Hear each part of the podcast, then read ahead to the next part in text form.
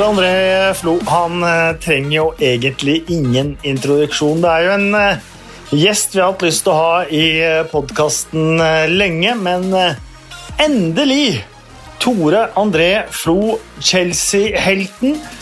Chelsea var jo inne i sin aller beste periode på flere tiår da Tore André Flo kom til klubben. Han er tidenes dyreste spiller i Skottland. Han har spilt i Sunderland, han har spilt i Leeds, og han har til og med vært en tur innom Milton Keanes for å spille for sin gamle kompis Roberto Di Matteo.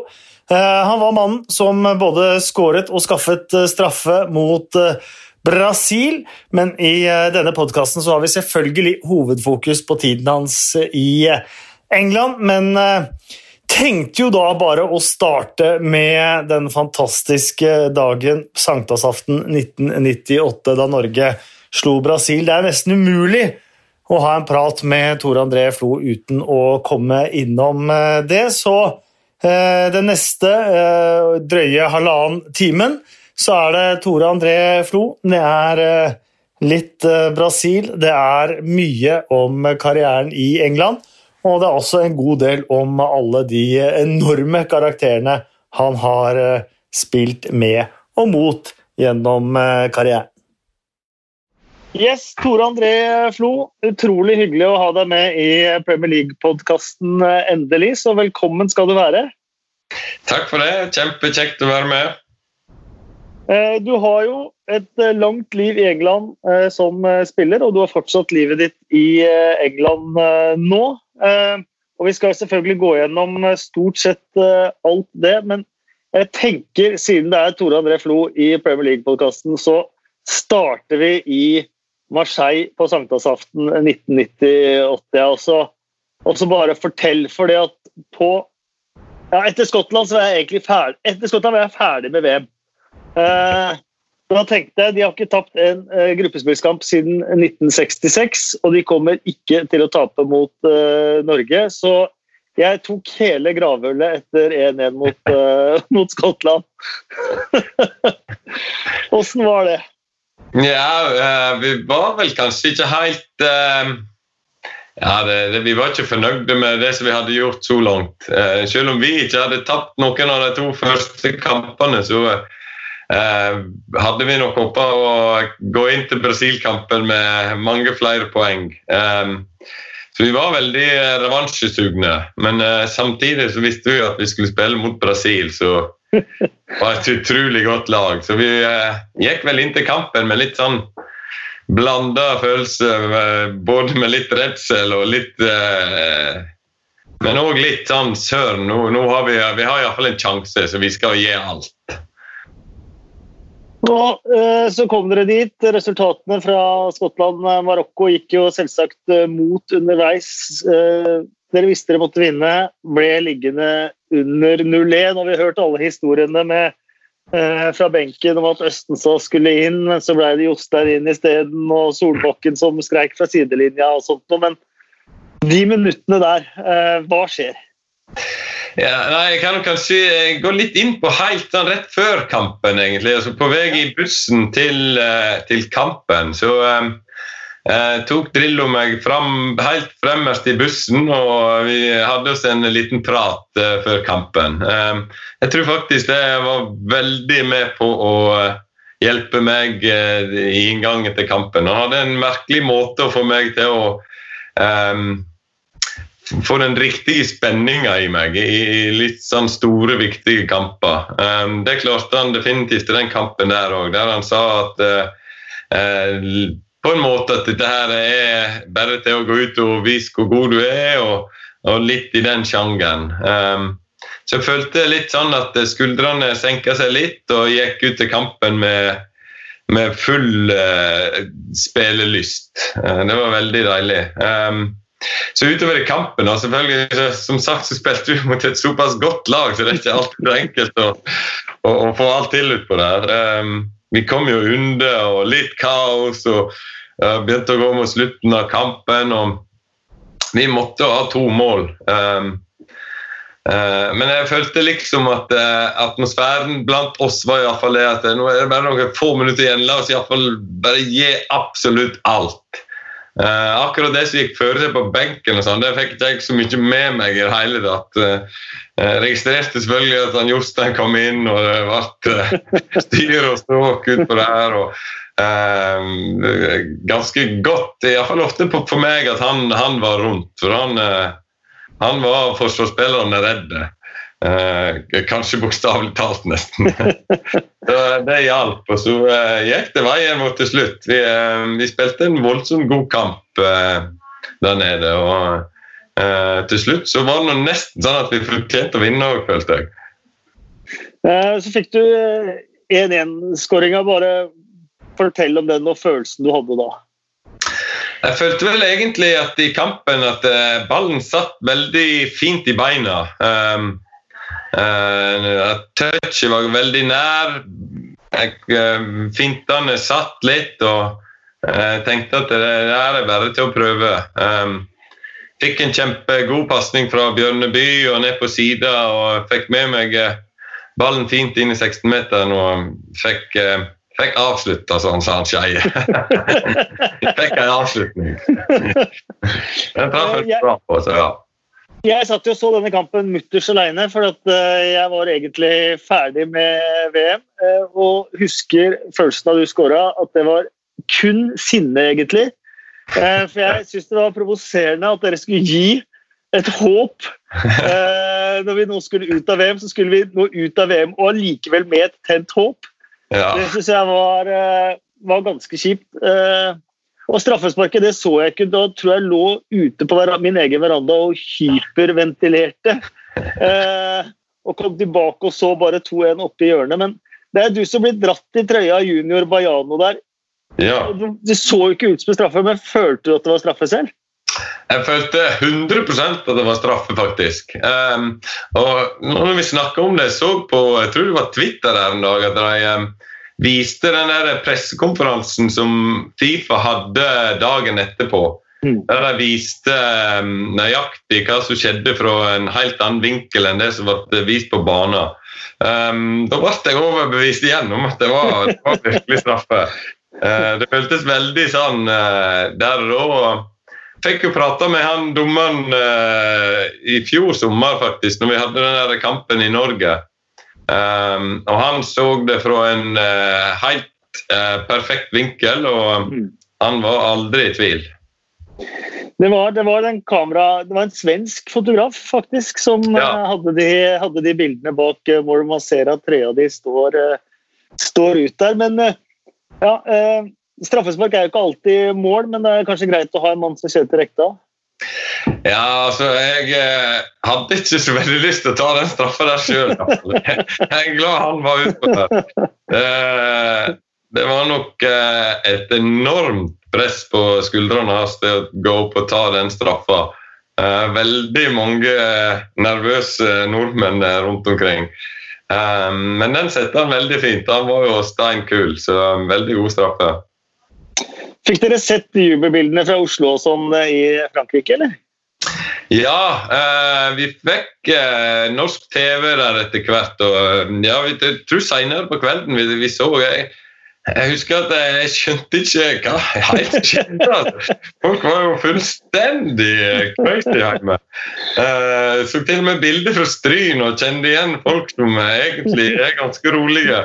Eh, men de får jo hoppe i fontenen inne i sentrum og alt midt på natta. Det var fullstendig eh, galskap. Jeg har aldri sett byen min eh, sånn. Det var som å bo i Napoli for, eh, ja. for en kveld.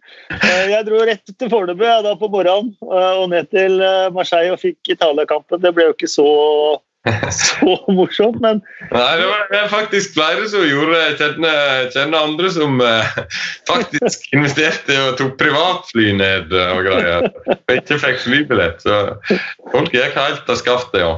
ja. Og du hadde jo den Det må ha vært en av tidenes VM-redninger eh, på den muligheten din der.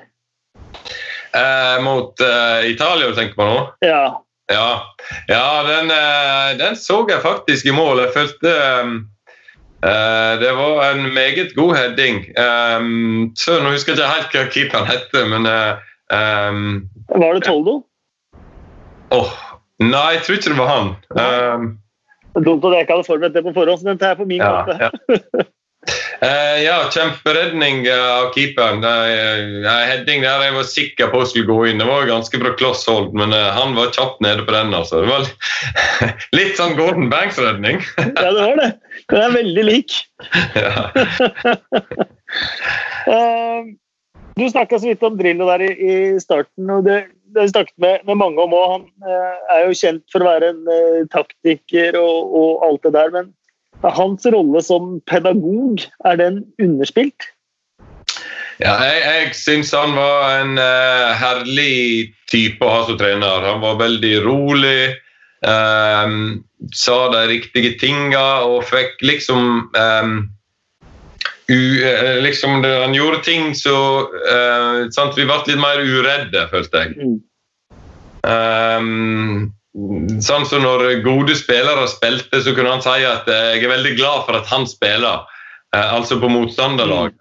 Eh, så tenkte vi hæ? Vi håpte vel at han ikke skulle spille, men han fant grunner til at nei, hvis han spiller, så kan vi ta dem på det og det. Så um, han hadde en sånn fin uh, evne til å gjøre oss uredde når vi skulle spille mot gode lag. Fikk dere med dere Dunga som klippa tunga foran ham da de skåra 1-0? Ikke der på kampen, det tenkte ikke jeg over akkurat da. Men jeg har sett det en del ganger etterpå, ja. Eh, det, det skal jo sies at de, de var veldig gira på å, å slå oss utpå der. Det, det merka vi underveis i kampen, i og med at vi hadde slått dem et år før. Og det var litt sånn eh, fram og tilbake i media om at vi var litt høye på pæra. Ja, Drillo hadde vel passa godt på å gi de motivasjonen med utdannelsene før matchen òg. Han sa at Eh, Brasil er et fantastisk lag som er nesten uslåelig. Hadde jeg trent de, hadde de vært uslåelige. ja, ja, det var nok sånn. Jeg husker det. Så jeg provoserte dem litt grann, uh, før kampen, ja. Uh, vi må inn på din Det du holder på med nå og, og, er i England. Du har vært ansatt i Chelsea i snart ti år nå etter at du, etter at du la opp. jobben din nå er å ha ansvar for Eh, spillere på utlån. Eh, mm. Mm. Hva innebærer det? Uh, Chelsea tar det veldig um, alvorlig på um, Eller viktig for Chelsea å, å, sende spillere ut på lån. Um, det en så over flere år, det var at en produserte veldig mange talent fra akademiet. Uh, men at spranget opp til førstelaget ble for tøft for dem. Og så mista en veldig mange spillere av, av den grunn. Um, så fant vi ut at uh, en skulle ha en avdeling som hjalp spillere av, uh, få dem ut på lån, følge dem veldig eh, tett opp.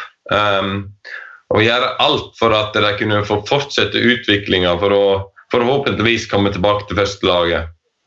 Um, så det er mye av det jeg jobber med. Jobber sånn en del sånn mentor, um, snakking med spillerne, uh, og skape gode relasjoner med managere rundt omkring. Um, og ellers legge ting til rette for at um, spillerne skal fortsette utviklinga si. Uh, og det har vært, du sier jo det, Chelsea har vært utrolig flinke på dette her i mange mange år. De har jo en rekke med FA Youth Cup-seire. Bare brutt av én et finaletap på Norwich uh, der for noen, uh, noen, år siden. Men, ja. uh, men samtidig så har vi sett få av de på A-laget fram til egentlig denne sesongen. Ja, vi følte vel egentlig litt at manageren kunne være litt redde for å bruke unge spillere. Chelsea er en veldig stor klubb. Kjempemye press på treneren. Så har jo laget òg hatt en enorm suksess, førstelaget. Um, så det var fortsatt sleit vi litt med å få dem inn. En kom veldig sånn at de fikk seg en debut, men likevel kom seg aldri liksom fast med i stallen. Um, så vi var så heldige at vi har fått Frank Lampard som manager. Uh, selvfølgelig kjenner klubben inn og ut. Uh, tok òg trenerkurser gjennom uh, Chelsea sitt akademi. Um, Eh, og så eh, enda mer da hvor, hvor bra um, talenter er, og hvor, hvor flott en har jobba der i klubben over mange år med spillerne. Så, um, um, så tok han jo med seg Jody Morris òg, som var jo uh, youth-trener. så jeg følte vel at uh, det er bare til å gi disse spillerne sjansen, så, så kommer mange til å blomstre. og Um, fantastisk for oss som har drevet med dette her, å se at de kommer tilbake igjen. og, og uh, liksom ikke bare har kommet med i stallen, men har egentlig tatt uh, Premier League med, med, storm, flere av dem. Mm. Det er jo nesten det vanskeligste man kan bedrive innen toppfotballen i dag. Det er å drive en klubb som skal kjempe om uh, både ligamesterskap, trofeer i andre cuper, Champions League, og samtidig drive spillerutvikling. Det er svært, svært få som får til. Ja, det er, det er, jo kjempe, kjempevanskelig. Og, eh, hvis vi ser nå, så er jo Chelsea eh, for øyeblikk på fjerdeplass. Og det er jo egentlig ikke der Chelsea har lyst til å være. Så, eh, når en gir unge spillere muligheten, så eh, kan resultatene svinge. Det, det, det, viser all lærdom opp gjennom åra. Um, eh, men det som er litt sånn viktig, er å gi det litt tid. Eh, en visste vel egentlig at Chelsea ikke kom til å vinne serien i år. Um, men samtidig så har det gitt en um, enorm um, backing fra supporterne. Det er at en har gitt de unge litt sjansen. Uh, det virker som liksom supporterne til Chelsea følte at det var dette som mangla litt. Nå har de mm. fått det, og, og er egentlig veldig fornøyde med sesongen sånn som den har vært. Jeg syns det var litt rart med Sarri, f.eks. Da det begynte å skjære seg litt mellom han og supporterne. Han hadde jo Hudson Odoi, Loftus Cheek eh, Litt sånn unge engelske spillere som han kunne brukt litt som alibi, da, som for kanskje for å, for å, jobbe dette forholdet med supporterne litt bedre, men som han aldri på en måte benytta seg av. Det var helt nesten tvert om. Ja, eh, nei, det har vel egentlig vært med litt, litt flere managere. De har ikke satsa nok på, på, de, på, de unge. Um, uh, og så når da en ikke uh, kjemper om førsteplassen, så, så, kommer det litt sterkt fram. Um, det skal jo sies at Sarri til slutt fikk en ganske så god sesong ja. med, med, at de vant et par ting likevel. Um, så, sånn, så Det tok seg litt opp på slutten, men uh, det ble nok ikke helt nok. for Eh, supporterne var veldig sultne på at eh, nå skulle vi få fram litt flere unge spillere.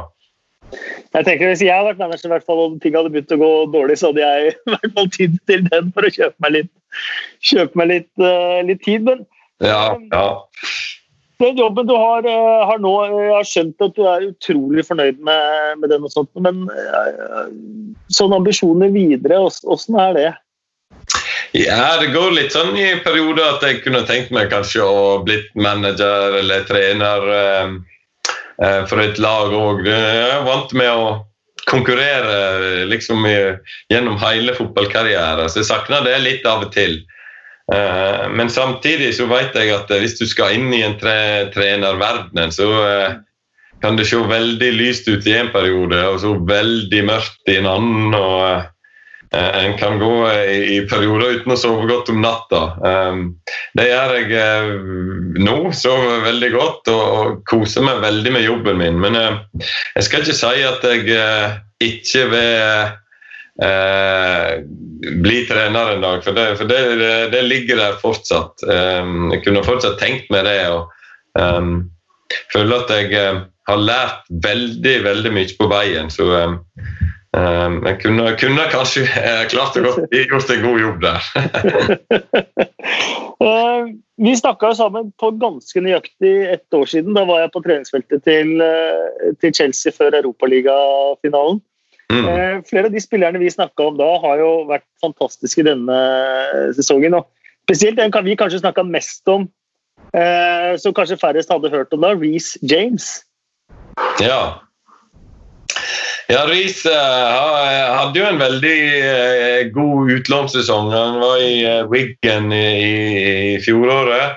Spilte kjempegodt der og var, um, var ettertrakta av flere klubber til denne sesongen her.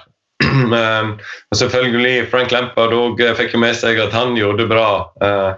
Og som sagt, eh, sånn som du sa, så kom han litt sånn bak de andre, men, uh, har gjort det kjempebra og omtrent fast på første laget for øyeblikket. Ja, det er flere av de i Chelsea. Det er jo, det er jo uh, moro. Du var jo i Chelsea f.eks. Da, da John Terry kom opp igjennom og fikk sin debut og sånn. er det. Var det han som pussa skoene dine? var det det? Uh, nei, det var ikke han som pussa mine. Jeg tror han pussa Dennis Weiss sine. Men, uh, uh, ja, det var Før i tida så hadde vi disse her ball, ballboysene, eller bootboysene som vi kalte dem. Uh, som pussa skoene. Det, det gjør ikke de nå i dag. Det, det er visst blitt ulovlig. Hvem var det som hadde dine?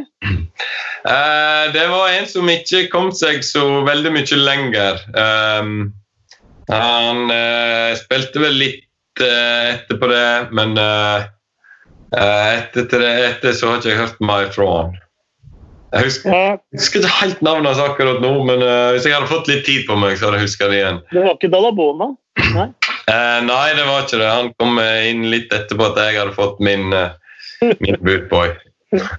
Det begynte jo sommeren 1997 i England for deg. og det ble jo også Chelseas beste periode på mange tiår, de, de fire sesongene du hadde der. Første sesongen hadde dere på fjerdeplass. Det var første gang siden 1980 dere havna, havna så høyt. Eh, du gikk jo fra, eh, fra Brann, eh, hentet av Ruud Gullit. Men hva var det som skjedde i den overgangen der? Uh, det var jo litt styr med, med, med Brann. Sånn sett. Bossmanndommen kom jo inn. Uh, det ble litt um, uh, tok litt tid å finne ny kontrakt. Det var, det var veldig mye nytt i, i, alt som hadde med overganger å gjøre i den perioden. Um, det eneste som skjedde med meg, sånn var at Ruud Gullit det var en av mine, mine to største idoler gjennom uh, hele min ungdomsperiode. det var han og Diego Maradona jeg hadde bilde av på veggen.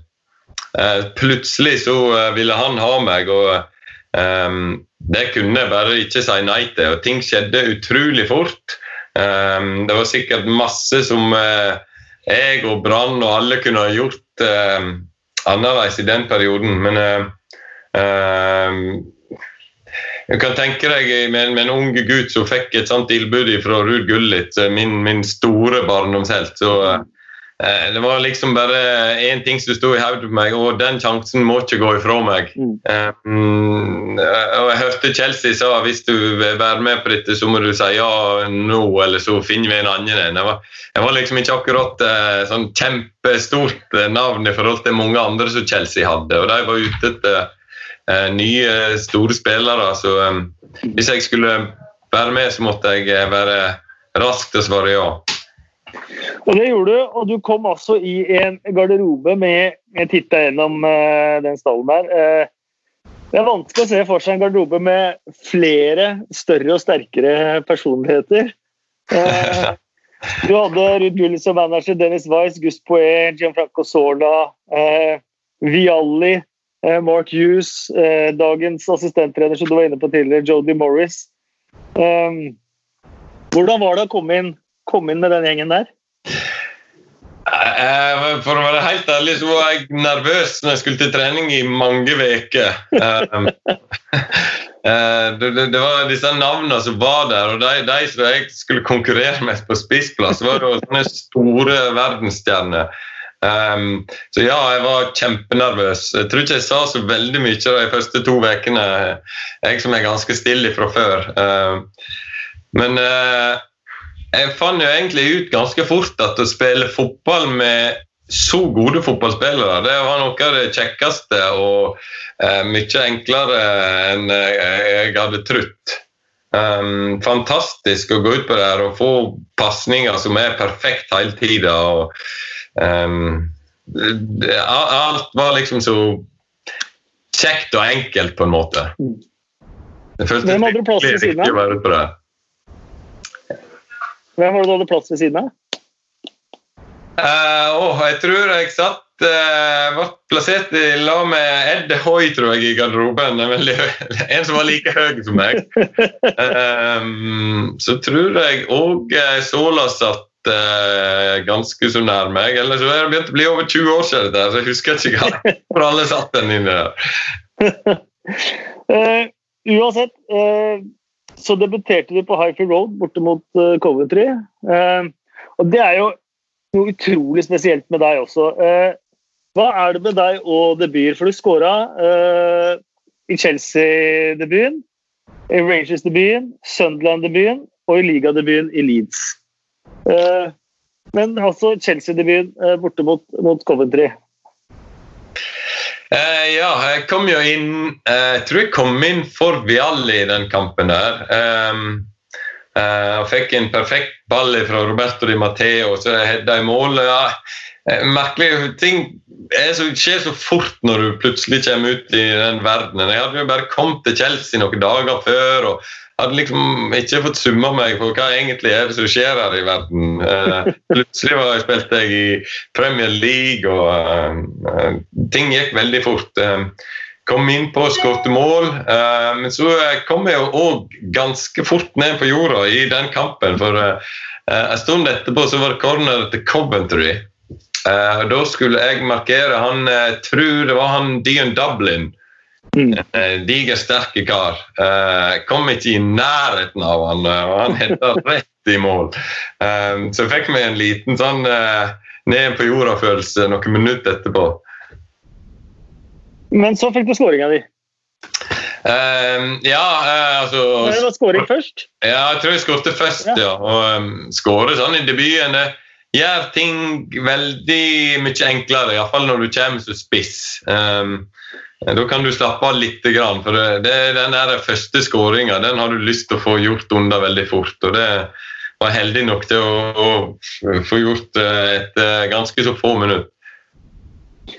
Eh, følte ja, Du sier jo at det blir jo enklere og sånn da, og så var det kommet i gang, kommer med kamper og sånt. Men eh, jeg må spørre deg, Trond, eh, jeg har hørt eh, Det kan hende at dette er et, eh, eh, bare en vandrehistorie, men første lønna i eh, Chelsea, hvordan fikk man den? Jeg tipper kanskje det er en sånn rar historie du har hørt. Altså, jeg, ja, fikk man den i cash? Nei, uh, det gjorde ikke jeg. Ikke så jeg kan huske. Eh, egentlig så følte jeg at uh, alt som har vært med England, har vært helt ryddig eh, sånn fra dag én. Så eh, nei, den tror jeg jeg fikk inn på konto, sånn som det skulle vært gjort. jeg spilte jo Italia, da, kanskje litt fram og tilbake med saker og ting i Italia, men i Premier League der har det stort sett vært veldig, veldig ryddig hele tida.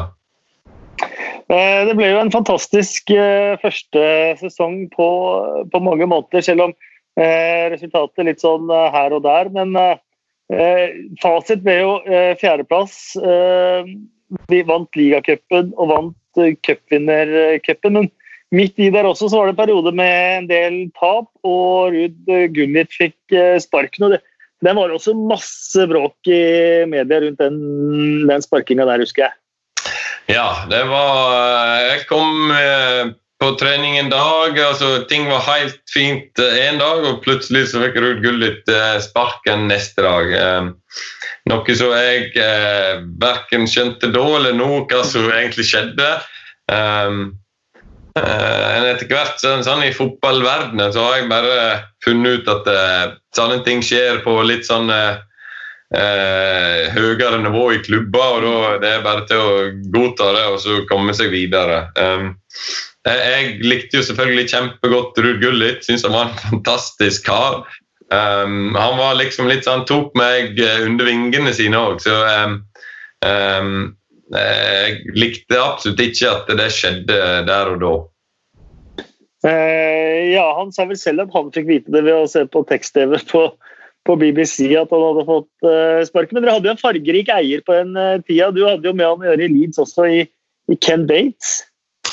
Ja, Ken Bates uh, har jo egentlig hatt òg et veldig godt forhold til hele tida siden den perioden. Uh, får til og med julekort. Uh, vi sender julekort til hverandre, til han og kona og hvert år. Så uh, ja, han var veldig fargerik, han. Han var en som turte å ta sjanser. Og, og egentlig på mange måter så kunne en takke han for at Chelsea bygde seg såpass opp som de gjorde. Um, selvfølgelig hadde ikke han de midlene som eierne som har nå, men likevel så var Chelsea godt på vei til å bli en, en stor europeisk klubb. Ja, Dere la jo på mange måter grunnlag i den perioden der. Fjerdeplass som sagt, var jo høyeste tabellplassering på, på 20 år. Dere eh, debuterte i Champions League eh, mens eh, du var der. Eh, veldig mye av det grunnlag for det Chelsea er i dag, var det dere som la? Ja, faktisk så i den perioden som eh, jeg var der, så vant vi fem eh, trofeer. Um, vi vant jo selvfølgelig ikke serien i England, altså det var liksom det aller største målet. Men eh, eh, det er veldig mange supportere som sier at den perioden var noe av den kjekkeste perioden jeg har hatt som, som Chelsea-supportere. For da gikk klubben egentlig fra å ikke være noe spesielt til å plutselig kjempe mot store europeiske lag. Gianluca Vialli tok jo over for uh, Ruud uh, Gullit. Hvordan er det å ha en lagkompis i garderoben den ene dagen som skal være manageren din eh, dagen etter? litt spesielt var det nå, men uh, Vialli er en kjempeartig kar. han var jo en litt sånn som hadde veldig mange gode vitser og artige historier. og Um, veldig godt likt blant spillerne. sånn sett. Så um, Mye av grunnen til at han ble valgt, var jo sikkert for det òg. For han var veldig godt likt blant uh, både spillere og supportere. Um, uh, han måtte selvfølgelig forandre seg litt. Grann. Han kunne ikke gå rundt og fortelle vitser sånn når han var manager. Men uh, jeg opplevde han som en utrolig profesjonell og nøyaktig manager. Han tok det veldig, veldig fort.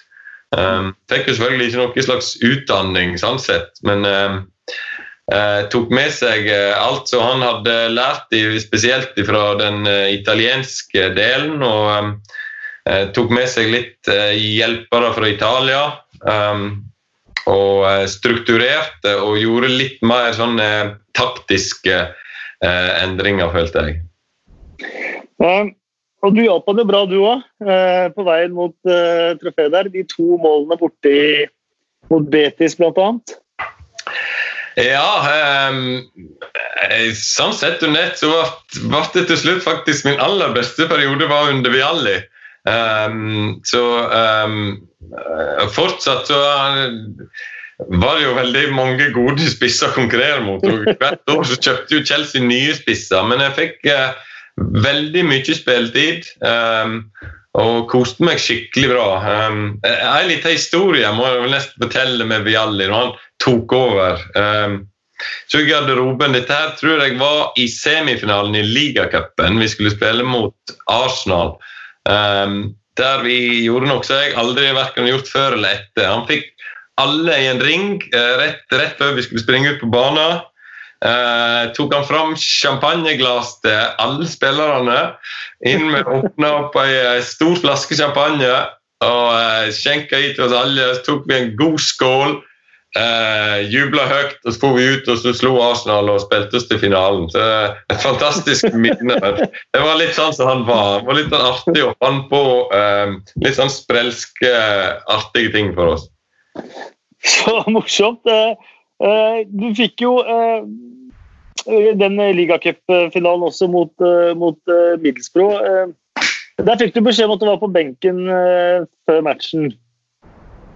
Hvordan var det? Ja, um, ja nei, jeg var på benken. Jeg fikk vel en, en god del spilletid uh, uh, i kampen. Likevel det ble jo uh, ekstraomganger, sånn, hvis jeg husker rett. Og fikk uh, egentlig nesten en hel kamp sånn alt i alt med, med det. Så jeg følte vel at jeg bidrar med til til å være med på den seieren. Men, eh, sånne, sånne triumfer eh, Sånn som fotballen er nå, så er det liksom en fjerdeplass i, i Premier League. Det, det, det trumfer nesten alt. Om det er et ligacuptrofé eller FA-cuptrofé eller til og med et europaligatrofé. Men jeg vil jo nesten tro som fotballspiller eh, at det å stå på Wembley eller Millennium Stadium eller eh, eller hvor som helst med et trofé i hånda, er det man Det er de største øyeblikkene? Ja, altså eh, Når du vokser opp som sånn, norsk spiller og har sett disse her eh, kampene på Wembley, eh, den tradisjonen som var da Dette er jo selvfølgelig gamle Wembley eh, vi mhm. snakker om her. Eh, men å stå klar der og ha vunnet en finale og skal gå opp så troppene opp til å ta imot eh, trofeet, det var en fantastisk følelse. Det, der, da får du nesten frysninger av å, å, gå opp til troppene og, og, juble oppå der blant, med, med, med supporterne på, på Wembley. Liksom, det, var, det, var, så historisk eh, stadion at det var helt fantastisk. Um, kan jo nevne at jeg var så heldig at jeg fikk være med på den aller siste FA Cup-finalen som ble vunnet på gamle Wembley. Um, der vi slo Aston Villa noen år seinere. Um, uh, bare gode minner fra Wembley. Jeg var der fire ganger, og vi vant uh, alle fire. Motsatt av Alan Shearer. Han, uh, han tapte begge sine to FA Cup-finaler på, på, Wembley med, med Newcastle. Eh, men jeg intervjua han, før, han før en kamp, uh, før en ligacupfinale med var det Chelsea mot Tottenham, uh, mon tro. På, på Wembley så intervjua jeg Alan Shearer uh, på idrebane, og da var han litt sånn smågretten. Han, hadde, han hadde masse avtaler bortover. Uh, og sier ja, jeg har bare dårlige minner herfra, jeg, jeg tapte jo mine finaler. Sier jeg, men det stemmer jo ikke helt. For du vant jo Zenit Data Systems Cup her med Southampton i 1990. Ja. og da kom han på det. Det var eh, at han hadde noen gode minner der, eh, han også. Eh, ja. Fjerdeplass, Den tida dere fikk fjerdeplass, det var jo ikke det var jo ikke Champions League og sånt noe, men det var jo en fantastisk prestasjon. Men dere avslutta med å vinne cupvinnercupen. Ja.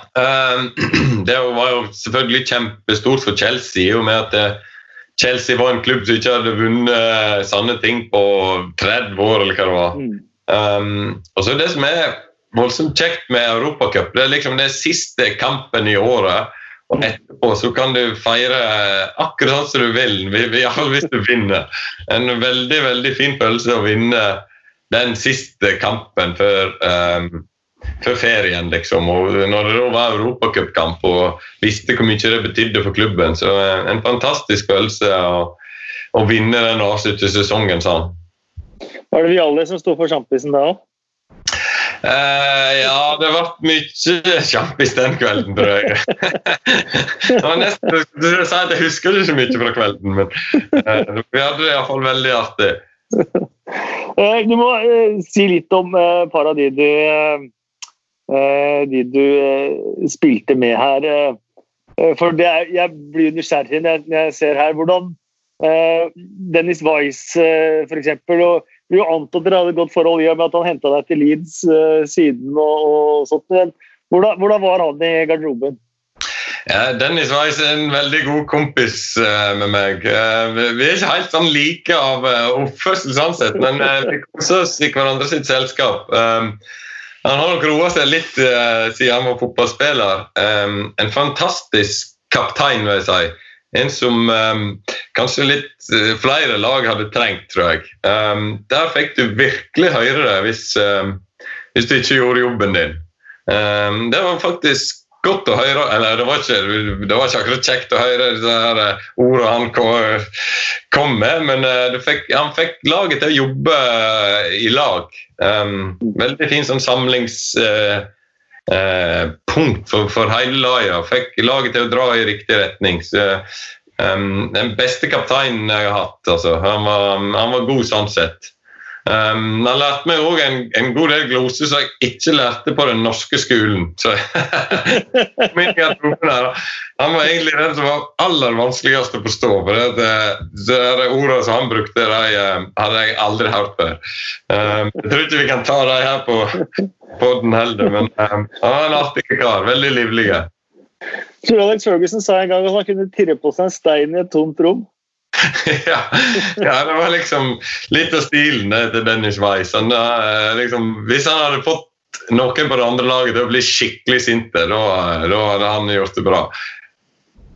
Marcel Desailly han eh, deler jeg noen ganger intervjuerommet med, spesielt på Stafford Bridge, han jobber for fransk TV og sånt noe. Han slår meg som en litt sånn han er ekstremt hyggelig og imøtekommende, og så slår han meg samtidig som en litt sånn larger than life-type. Ja, han òg var en artig kar. Eh, hvis en eh, føler at jeg er relaxed, så er det iallfall han det. Um, han kunne gå inn til store kamper og nesten ikke vite hvem vi spilte mot. Og så spilte han var han soleklart best, liksom. En av de beste spillerne i verden. En veldig sånn uh, avslappa, virket ikke til å bli nervøs for noe. Um, men òg hvis, hvis, det kom noen store kamper opp, så da var han fantastisk god. Kunne, kunne av og til gjøre noen slurvefeil hvis motstanderen var eh, litt sånn sett på som en litt sånn lavere eh, motstander sånn sett. Men en artig kar. Alltid blid og, og selvfølgelig en veldig, veldig god fotballspiller.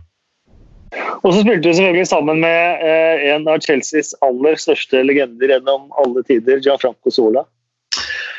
Ja, Sola, da må jeg nesten smile alltid når jeg prater om han. For en, eh, en bedre fotballspiller og en, en kjekkere kar, det skal du lete lenge etter. Um, uh, han var sikkert uh, assist uh, minst 50% av mine mål. Um, jeg tenkte alltid, hvis, hvis, han får ballen, så er det bare til å finne seg en posisjon framfor mål.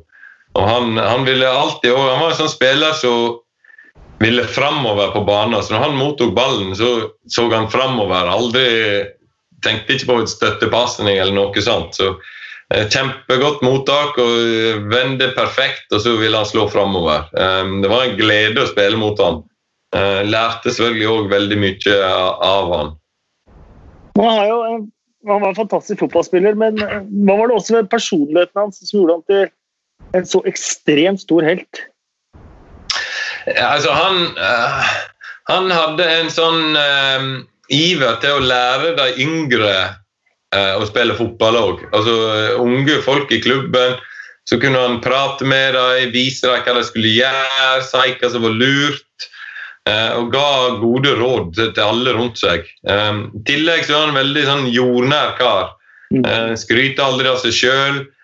Jobber hardt, står igjen, sto igjen etter trening og finpussa teknikken. og var egentlig sånn, sånn perfekt bilde av en idrettsmann, sånn som så, sånn så jeg ser det. Og, og um, gjorde til at òg jeg um, gjorde om ting for å, for å eh, gjøre litt sånn som han gjorde, på en måte. Mm.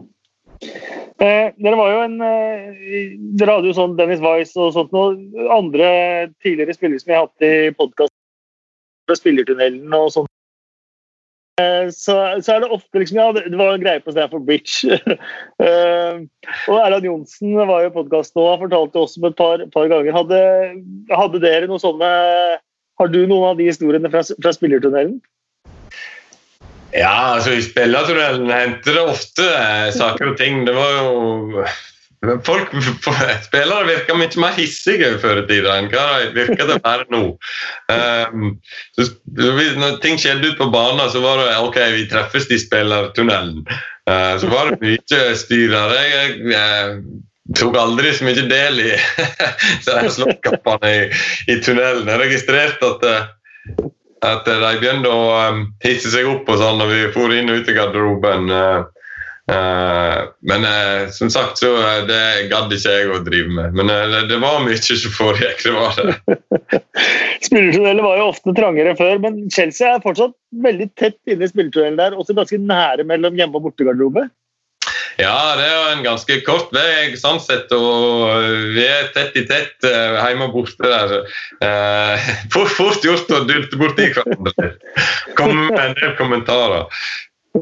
Skjedde noe. Ja, vi, var, vi var inne på John Terry som kom opp, uh, kom opp og fikk sin debut og sånt, noe som, som, veldig ung gutt. Han har vært en ekstremt sterk personlighet og, og veldig vokal og alt sånt. Var han det allerede da, eller var han mer forsakta? Han var nok litt mer forsiktig. Altså, når jeg eh, kom til klubben, så tror jeg han var bare en sånn 17 år gammel. Eh, Uh, det som jeg husker av han, det var at han var veldig lærerik. Uh, eller villig til å lære. Um, så litt på hva forsvareren gjorde som spilte fast på laget.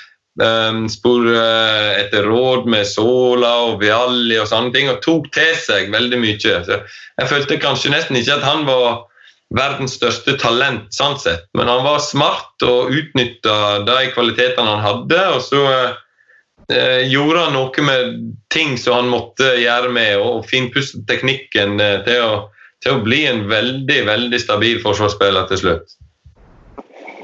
Du endte første sesongen med elleve ligamål, så hadde du vel fire cupmål, bl.a. de to borte mot uh, Betis, som var uh, ekstremt uh, viktige på veien til cupvinnercuptriumfen. Uh, du, du, hadde jo tre, eh, fire, eh, nesten eller tre og en halv sesong i, i eh, Chelsea. Vebjørn Steines, når dette er Chelsea-fan, har spurt på Twitter hvilken kamp for Chelsea husker du som din beste prestasjon. Det er jo mange som konkurrerer om den, mange kamper som konkurrerer om den plassen. Ja, nei, jeg tror den kampen som var aller, aller viktigst for meg i Chelsea-drakta, det var første bortekampen mot Tottenham. Mm. vi vant til slutt 6-1, og jeg skåret tre mål. Da var um, Gulli trener. Um, før det så var vel kanskje supporterne bitte litt sånn skeptiske til at uh, han der tynne uh, nordmannen skulle komme inn og spille framfor uh, uh, Sola til og Vialli og Mark Hughes og sånn. Um, men det som jeg ikke visste, var at Tottenham var virkelig erkefienden til Chelsea. Mm. Uh, og for Chelsea-supporterne til eh, å bli vitne til at Chelsea slo Tottenham 6-1 mm. der borte, det, det, var veldig viktig for dem.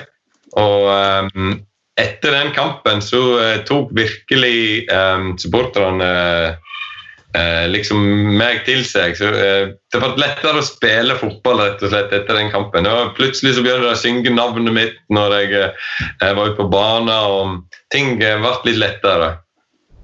Ja, for det Tottenham-greiene er litt rart, og det, det hatforholdet de to imellom var bare bygga på seg også fra, fra, fra den tida der. Men dere hadde altså så taket på Tottenham, og Chelsea har hatt det i så lang tid. Det har jo det var jo nesten 30 år før første taket kom.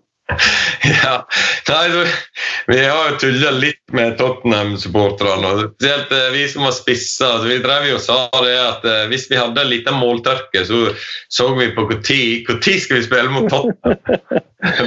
da, får vi alltid skåre mål.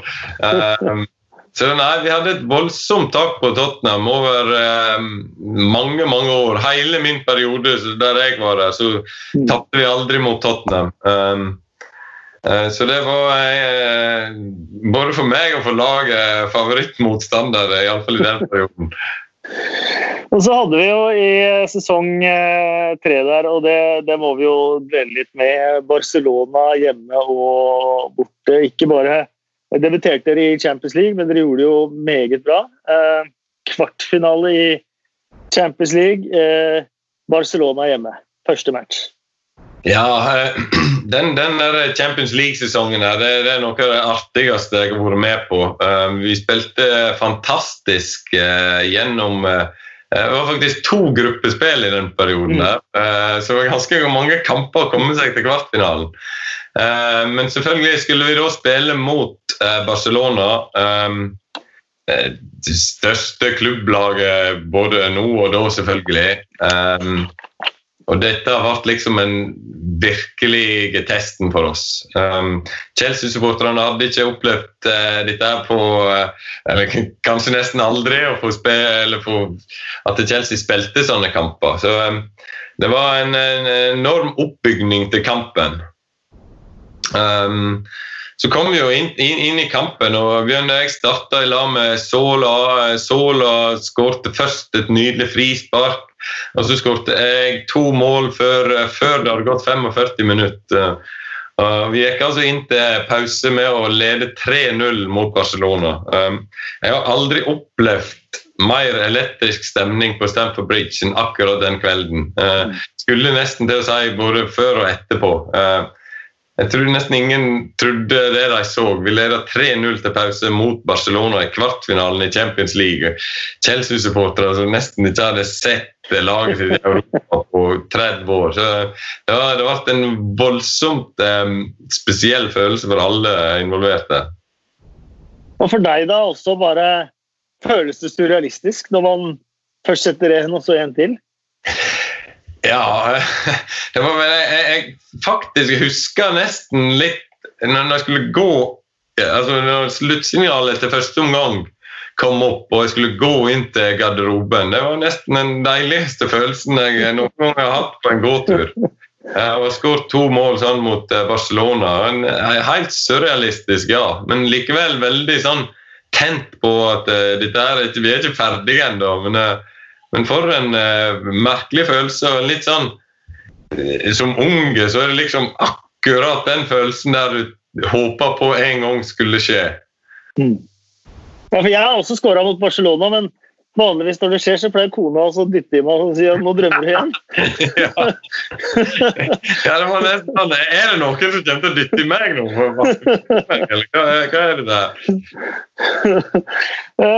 De reduserte etter eh, pause, så det ble jo 3-1 eh, til slutt. Men eh, jeg tror nok uansett dere hadde tatt en tomålsledelse før det skulle ned dit også.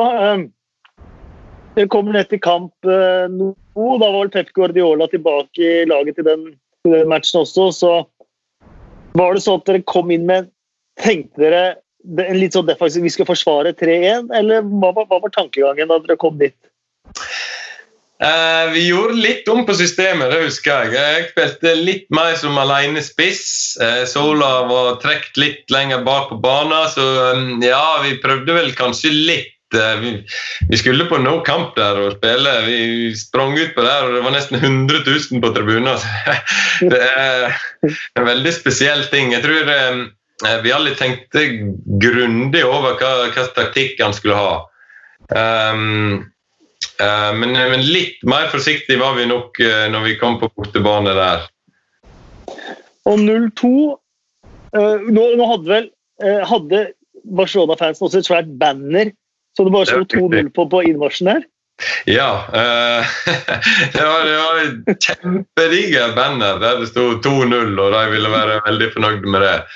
Um, så det kom imot oss når vi spaserte inn til den der uh, melodien til Champions League. Ja. Men tenkte du på det da det plutselig sto 2-0 der òg? Ja, så da når det står 2-0 til deg, så var det jo sånn at uh, nå må faktisk vi ha mål. Um, så fra å lede 3-0 til pause hjemme på Stamford Bridge, så var plutselig de som nå var i førersetet og ville gå videre med hvis resultatet sånn sto seg. Eh, men så dukka du opp igjen. Ja um, Det var jo òg en slags liten drøm å få skåre på en sånn stadion, selvfølgelig. Uh, Snappa opp et litt sånn uh, dårlig utspark fra keeperen. Um, og Ca. fra 16-meteren uh, skjøt vel med venstrefoten i hjørnet. Um, og selvfølgelig nesten en spesiell følelse akkurat der og da, for da var liksom de hadde tatt oss igjen, håpet var begynt å forsvinne, og så plutselig så var vi eh, på det tidspunktet videre igjen. Um, benken vår gikk jo fullstendig berserk, og noen voldsomme jubelscener der. Um, så da, plutselig fikk vi trua på det igjen. Jeg må tenke meg, eh, kamp nå, Bortesvortet er plassert veldig langt borte oppe. Jeg vet ikke om de var det da også. Det er ikke tak. Det er vanskelig å høre de. Jeg ville trodd det var knyst stille der. Ja, altså eh, Jeg følte jo nesten som det så ut som det var pissemaura oppi der. Så langt vekk følte jeg at Jets-supporterne sto. Uh, de som har vært på stadion, vet jo hvor stor den er. og Når du står helt øverst oppe bak der, så, så er de langt vekke og, ser ganske så små ut. Så ja, det ble nok eh, sånn sett ganske stilt, iallfall i forhold til når, når de skåret mål på den stadionet. der så det var altså sju-åtte minutter fra å avansere på kamp eh, nå. Eh, da Barcelona skåra, så ble det jo ekstraganger, og der skåra de to til. Dere gikk jo ut fra den eh, turneringa med hodet ekstremt høyt eh, heva, men åssen var det i garderoben etterpå? Jeg, jeg, følte faktisk, jeg husker at jeg følte at vi var faktisk gode nok til å gå videre. Um, følte at vi nesten burde ha klart det um, over, over, de to kampene. Selvfølgelig var Barcelona et kjempegodt lag, men uh, det var jammen vi òg i den perioden. Um, så jeg følte at uh, dette var nesten sånn at vi kanskje burde ha klart å vunne. Det var faktisk følelsen da. Det var òg på en måte en veldig god følelse å ha. Mm. At du spilte en sånn kamp og følte at jammen, dette skulle vi klart. Vi, vi, gikk jo ut med omtrent den minste marginen. Vi eh, kollapsa litt på slutten. Vi fikk rødt kort i, i bakre rekke der, og da skåret de litt sånn i disse ekstraomgangene. Da hadde ikke vi så veldig mye mer å gi. Men eh, sånn alt i alt så følte jeg at eh, vi faktisk kunne klart å gått videre. Eh, dere gikk eh, starta i hvert fall det som har vært et eh, eventyr for eh, Chelsea i, eh, i, Champions League. Og ikke minst den Barcelona-Chelsea-rivaliseringen starta på mange måter der. Og for der har det vært noen legendariske oppgjør siden. da. Ja, ja. Jeg har jo sett at Chelsea TV har laga litt sånn oppsummeringer av disse her kampene. Og når jeg ser gjennom dem, så har det vært veldig mange veldig tøffe oppgjør opp gjennom tidene et, etter den der første kampen vi spilte mot i Champions League. Utrolig spennende kamper har det vært. Og vunnet, vunnet noen og tapt òg, selvfølgelig. Noen. Du sa jo det at Chelsea drev og kjøpte spisser hver, eh, hver sommer. Og, og, ikke så lenge før du dro, så kommer både Eidur Gudjonsen og Jimmy Floyd Hasselbank. Eh, hvordan føles det som, som, som spiss i, i, et lag? Eh, jeg følte, eller iallfall sånn som jeg tenkte da, så tenkte jeg at Chelsea blir nå regna for å være en av de beste lagene i Europa. og hvis du har tenkt å være med og spille på Chelsea, så må du regne med at de vil kjøpe store spillere hvert år. Så det var litt, litt min tanke.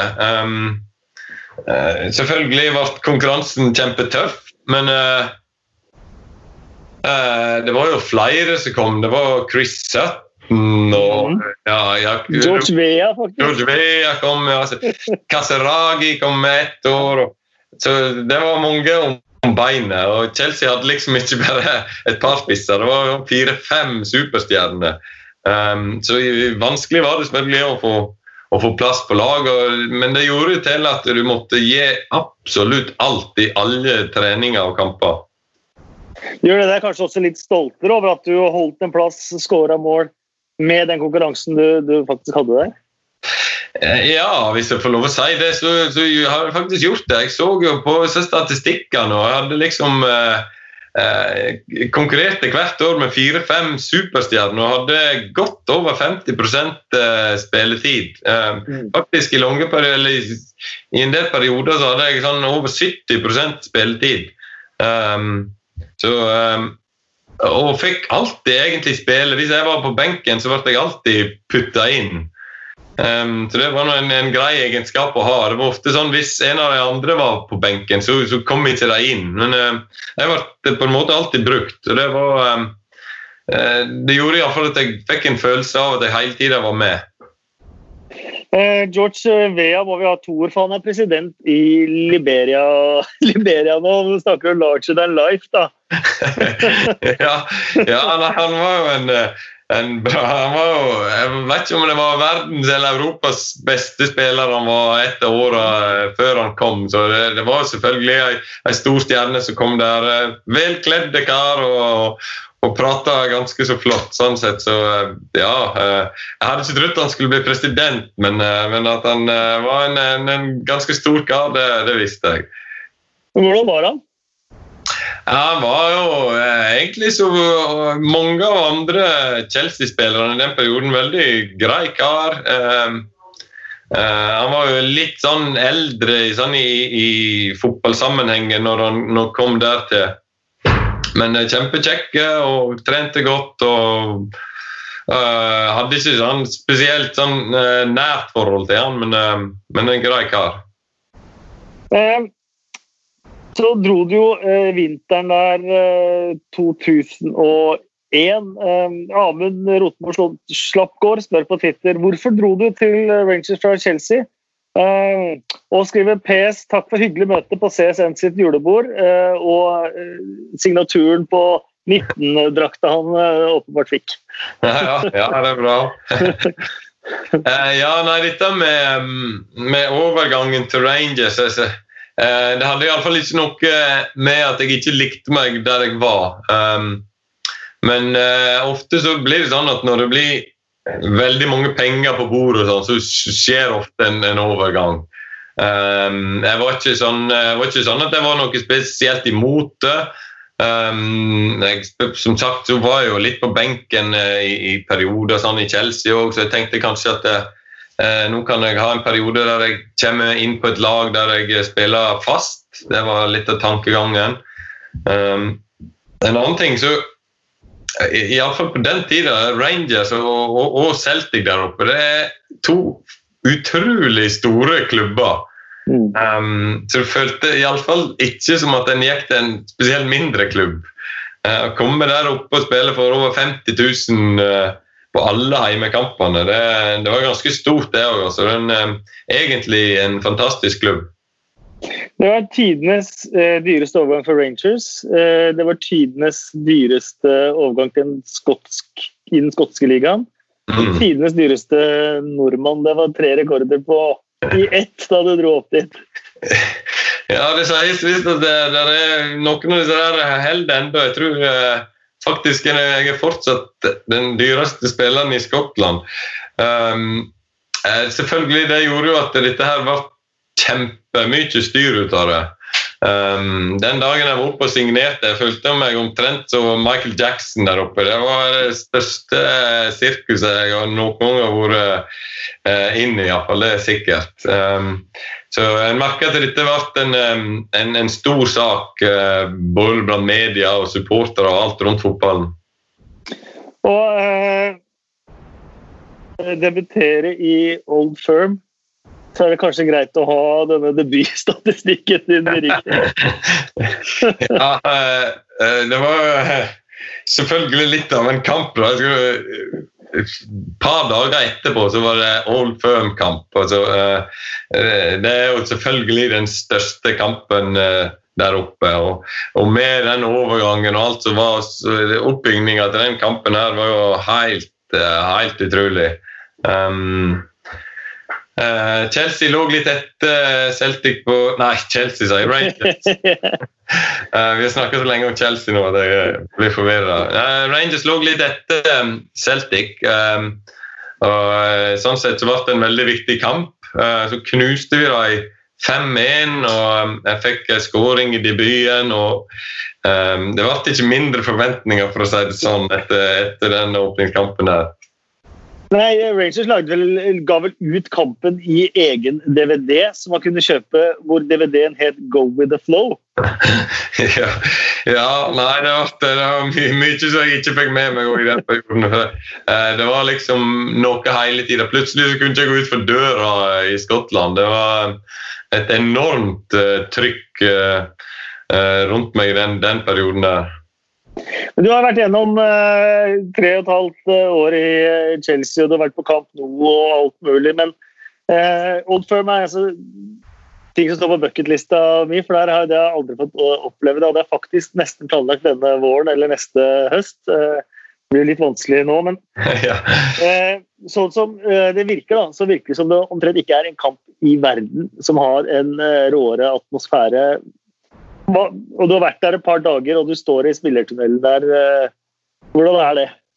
Ja, nei, altså, Jeg bruker å si det både til spillere og for de som er ute etter atmosfære, at dere har ikke opplevd noe i nærheten av, uh, av det som det kan bli hvis ikke dere har vært oppe på en Old Firm-kamp. Um, samt et uh, lurveleven som er uh, inne på disse stadionene, det er bare helt helt utrolig. Ikke i nærheten av Ja, det er litt i nærheten, det må du si, av, av England, men det er, det er et hakk over. Um, du kan ikke prate med noen av uh, medspillerne, for du har ikke kjangs å høre hva som, hva som, blir sagt. Eller, så, um, lydnivået er så høyt, og stemninga er så elektrisk at det, det, det er helt noe eget. Hvordan var følelsen da du sto der og skulle entre? Blir man mo i knærne, eller åssen? Ja, altså det, Selvfølgelig blir du nervøs. Jeg tror, ikke, jeg tror alle ville ha lyget litt hvis de ikke sier at de er nervøse. Men uh, akkurat når jeg skulle ut og spille fotball, så fikk jeg en sånn uh, på en måte en sånn god nervøs følelse. Det var en sånn nervøs følelse som gjorde at jeg fikk uh, lyst til å springe og få ut energi. Sånn, sånn, opplevde jeg eh, min måte å bli nervøs på rundt fotball. Var, sånn sett så var jeg heldig med det. Um, det, det, var kanskje noe som hjalp meg veldig når jeg skulle ut i disse debutene òg, når kanskje nervøsiteten var på det aller sterkeste.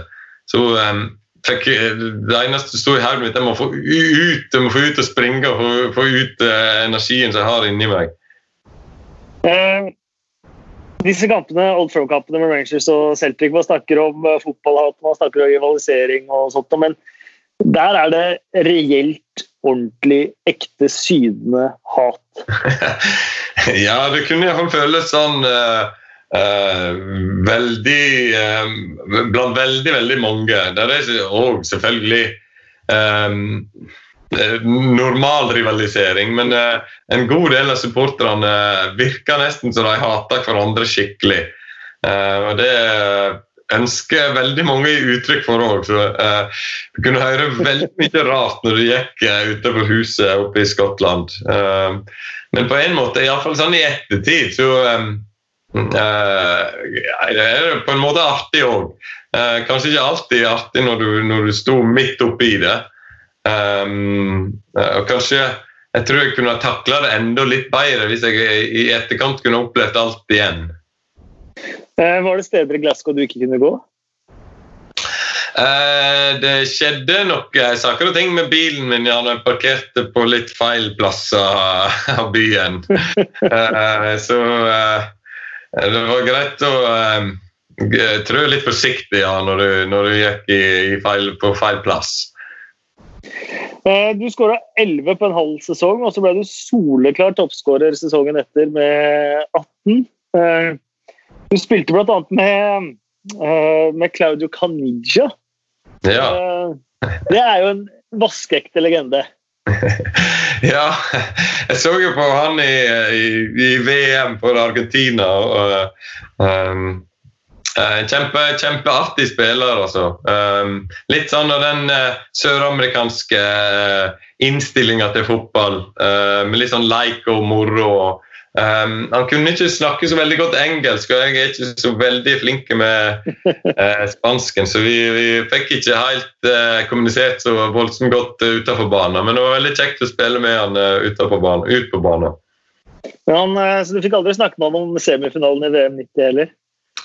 Eh, jeg prøvde å få mye ut av han, men som sagt så eh, var det få glose eller få setninger han kunne sette sammen eh, på engelsk i den perioden, tror jeg. Så jeg kan ikke huske så veldig mye av historiene som han fortalte. Hva var grunnen til at du dro videre til, til Sunderland etter to og en halv sesong der? Ja, to sesonger? Halvannen sesong? Uh, ja, nesten to ble vel, ja. Um, Nei, eh, det ble vel eh, litt sånn at det skifter jo manager. og eh, Sånn er det sånn ofte sånn når, når en manager henter en spiss, så kommer det en ny en, så han henter sin, sine spillere. og Så eh, savner jeg nå litt eh, å komme meg til Premier League igjen. Um, så ja, det Plutselig så bare skjer ting igjen, og så, så er det å hoppe på det. Det var bra du gikk til Sunderland. Han fikk tre managere første sesongen. ja, eh, det ble jo den mest spesielle sesongen kanskje jeg hadde i karrieren. Um, det var um, Sunderland er egentlig en kjempeartig klubb. Uh, ikke så veldig stor plass. veldig um, ivrige supportere, sånn sett. Men den sesongen der gikk det jo uh, ikke så veldig bra med laget. Vi klarte liksom aldri å snu det. og Klubben òg prøvde jo det de kunne med å skifte trenere. Så ja, Vi hadde tre managere på én sesong, så det, det skar seg litt der. og Når, når rykte ned, så, så ble det til at mange av de mer sånn større navnene måtte, måtte gå. Fra Peter Reed som uh, henta deg.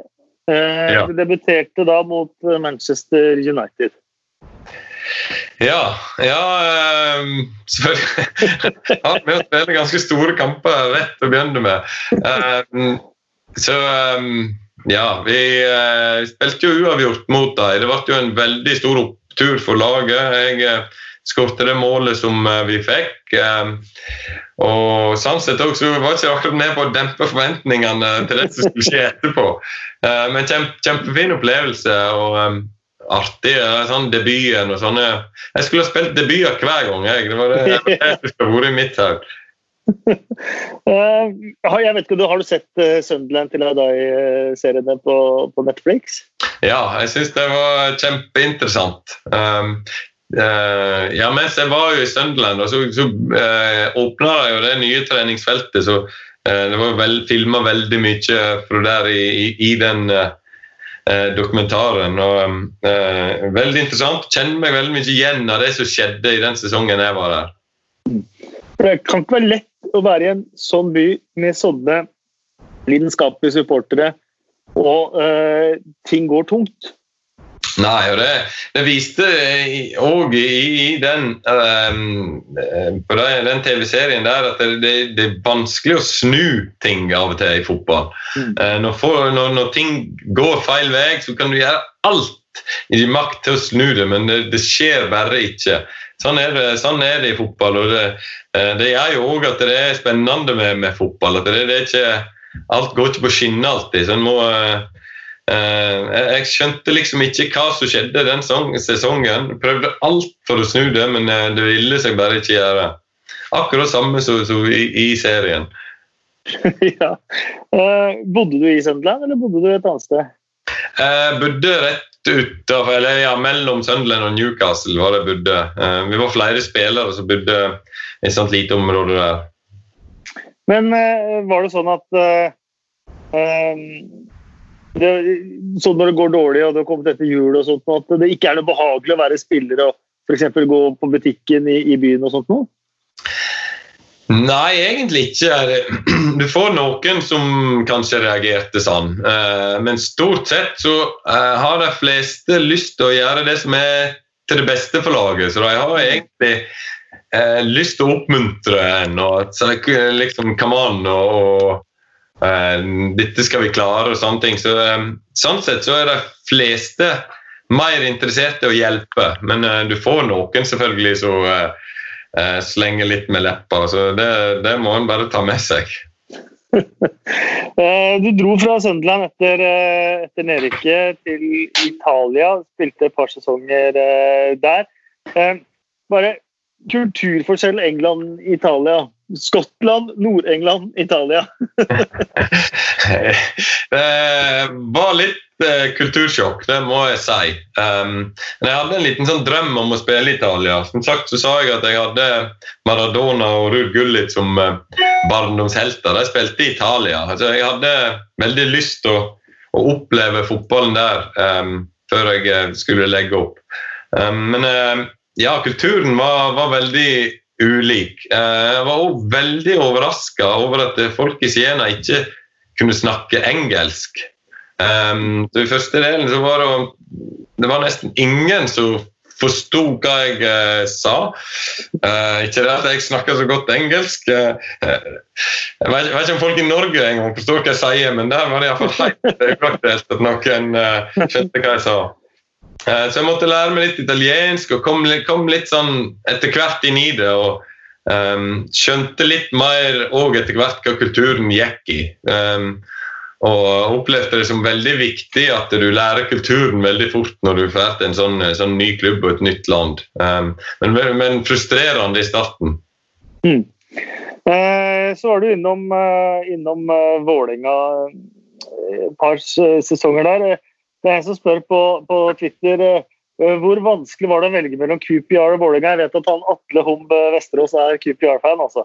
Hvor vanskelig var det å velge mellom Coopyard og Vålerenga, og regne med at du angrer bittert? Vil i hvert fall gjerne høre at du sier det.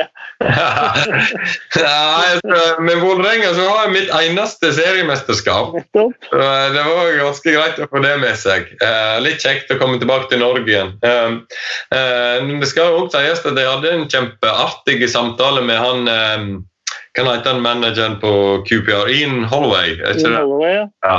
Han syntes jeg var kjempeartig, så vi var faktisk ganske nær til å gå til QPR i, i den perioden. Eh, for uh, han likte jeg å prate med. Men uh, det var kjekt å få komme til Norge og få uh, få seriemesterskap. og at Jeg tror Rosenborg hadde vunnet veldig mange før dette, der, så det var greit å 13 på rad og få, en annen klubb til å vinne i Norge òg, akkurat i den perioden.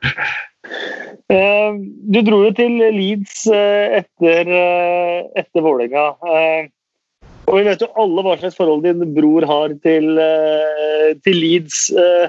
Hadde du Og det, du har jo flere familier også som er Leeds-fan. Hadde, hadde, du Leeds eller noe annet lag da du vokste opp? Jeg har alltid fulgt veldig godt med Leeds. Uh, I og med at um, brødrene mine, spesielt han Jostein, var jo en uh, stor uh, Leeds-supporter. men egentlig, mitt lag var Birmingham City når jeg var mindre. Um, ja. Det var òg faktisk Jostein sin feil. Um, det var da i de tider, vi, vi, var jo seks unger. Vi hadde en sånn stasjonsvognbil. og vi to unger var, var ikke plass til i setet, så de måtte sitte bak i, bak i bagasjeromdelen, eller stasjonsvogndelen. Der ville ikke jeg sitte, så Jostein han gikk og kjøpte en fotballdrakt til meg. Eh, det var Birmingham City. Da var jeg veldig fornøyd med å sitte bak der når vi skulle på tur. Um, og siden det var den første fotballdrakta jeg eh, noen gang fikk, så uh, holdt jeg med Birmingham og holdt et øye med dem siden den tid. Så var, var Jostein eh, misunnelig da du eh, signerte? Ja, det tror jeg. Eller misunnelig. Jeg tror han syntes det var spennende òg. Um, at broren skulle spille på, på Leeds. Um, han, selvfølgelig enda så følger han jo med på, på Leeds og vet uh, navnet på spillerne og hva som skjer i klubben. Så um, uh, jeg tror nok det var mer at han syntes det var spennende at jeg kom opp der. Ja, for Han var jo med i denne podkasten eh, her. og Da fortalte han en gang at han sittet i Sheffield United-garderoben før kamp og leste norske supporterbladet til, eh, til Leeds, og det var ikke spesielt populært. Nei, det kan jeg tro. Sheffield er jo ganske nær Leeds. Ja, det, det var...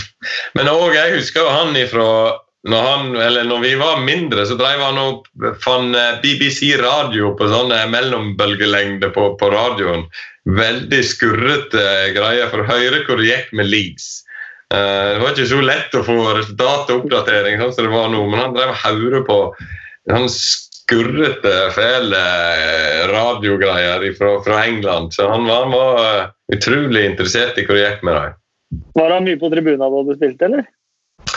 Eh, nei, han var veldig mye opptatt med sitt. Eh, han var vel over så vidt, men eh, jeg tror nok han hadde hatt lyst til å være der enda lenger. Og at er sikkert at jeg kunne vært der enda lenger.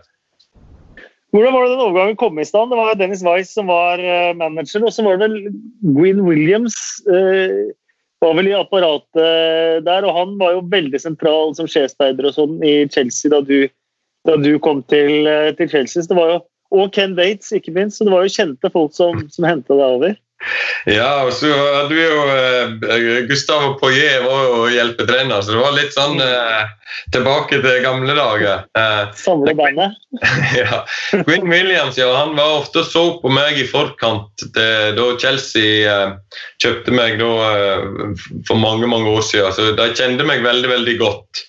Um, jeg var jo begynt å bli nærmere 35 år, tror jeg, i denne perioden. Så um, det, var, det, var, vel eh, kanskje akkurat, ikke akkurat min, min toppperiode, sånn sett. Men jeg tror Dennis hadde lyst til å ha en litt sånn erfaren spiller inn, så han kunne ha blant, blant sine unge spillere. du debuterte 20.1 i championship mot eh, West Bromwich. Du debuterte vel egentlig i FA-cupen uh, noen uker før borte mot West Bromwich, men ja. ligadebuten i championship var hjemme mot West Bromwich i første match på Ellen Road. Da tok det tre minutter. ja.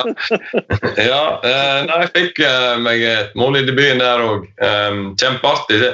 Som sagt så var Leeds litt spesielt i, i, i mitt hjerte òg, i og med at det Eh, det sto så nær i familien. Så um, veldig, veldig spesielt. Uh, springe utpå der, skåre mål. Um, uh, det eneste var noen uker etterpå så fikk jeg faktisk et tretthetsbrudd i foten som um, gjorde at det ble uh, alt i alt litt sånn tøff, tøff periode i Leeds. Jeg var ute faktisk i en sånn 10-12 måneder med, med, at det ikke um, heala seg skikkelig. Så um, Eh, veldig glad for å ha vært der og eh, hadde veldig godt forhold til supporterne og klubben sånn sett. Um, men selvfølgelig, når du kom opp i åra Kroppen hadde vært med på mye. og jeg eh, fikk meg et tretthetsbrudd i foten, så det var vanskelig å få frist igjen. Men Merka du noe på at det var litt sånn spesielt å komme med, med, med veldig sånn forbindelser til Chelsea til, til Leeds, eller gikk det greit? Eh, for meg så gikk det greit. Det var et litt sånn um, opp og ned-forhold, følte jeg, klubben til uh, sånn med, med, Chelsea. Jeg tror Chelsea hadde henta noen spillere som Leeds ikke hadde vært så fornøyde med, men samtidig så hadde Eh, andre deler av klubben sånn godt forhold til Chelsea. Så det var, det var litt sånn opp og ned. men jeg var veldig glad for å være der og var veldig stolt når jeg eh, dro over Leeds-drakta og skulle springe ut og, spille for dem. Altså. Um, litt, litt, sånn uh, Fikk litt sånn historisk god følelse av å, av å spille i Leeds-drakta. Men det var en tøff periode for klubben. De hadde jo vært i Champions League og i Premier League og semifinalen i Champions League til og med. Rykka ned til Championship. Eh, var på vei opp havna i playoff sesongen før du kom. Eh, røyk i playoff eh, der. Og uh, så rykker de ned til League One. Mm. Uh, første sesongen uh, da du var der. Du fikk jo bare det, det ene kampet mot West Bromwich den, den sesongen der pga. skade. Men mm. i en klubb som Leeds, hvor fallet var så stort så raskt mm. Jeg kan tenke meg at det også kan sammenlignes litt med dette Sunderland til Audai-greiene. Ja, um, det var selvfølgelig veldig spesielt. Jeg uh, fikk jo kjempeproblem, uh, spesielt økonomisk. Selvfølgelig jeg hadde satsa enormt på å være med i Champions League. Jeg kom ikke der, rykte ned én divisjon først og en ny divisjon. Så um, økonomisk så ble det steintøft for klubben. Um, og selvfølgelig utrolig trist for supporterne. Um, så noen år uh, liksom ett år så var de i toppen av Europa nesten, og så plutselig så var de i league one. Så det var en, var en tøff periode for klubben. Um, jeg var veldig mye skada, som sagt. Jeg trente mye sånn for meg sjøl. Um, jeg opplevde ikke det som sånn uh, uh, ja, jeg, jeg, konsentrerte meg på en måte om mitt og komme tilbake igjen. Uh, det følte jeg Det ble på en måte snudd eh, sesongen igjen begynte i League One. Publikum eh, fikk litt sånn opp eh, mot igjen. Dette her skal vi snu. Jeg følte det som var det, det som var tanken etter hvert, at eh, vi skal opp igjen og vi skal jobbe i lag for å komme opp der. Det har ikke vært lett å være Leeds-supporter siden, siden nedrykket fra, fra, Premier League.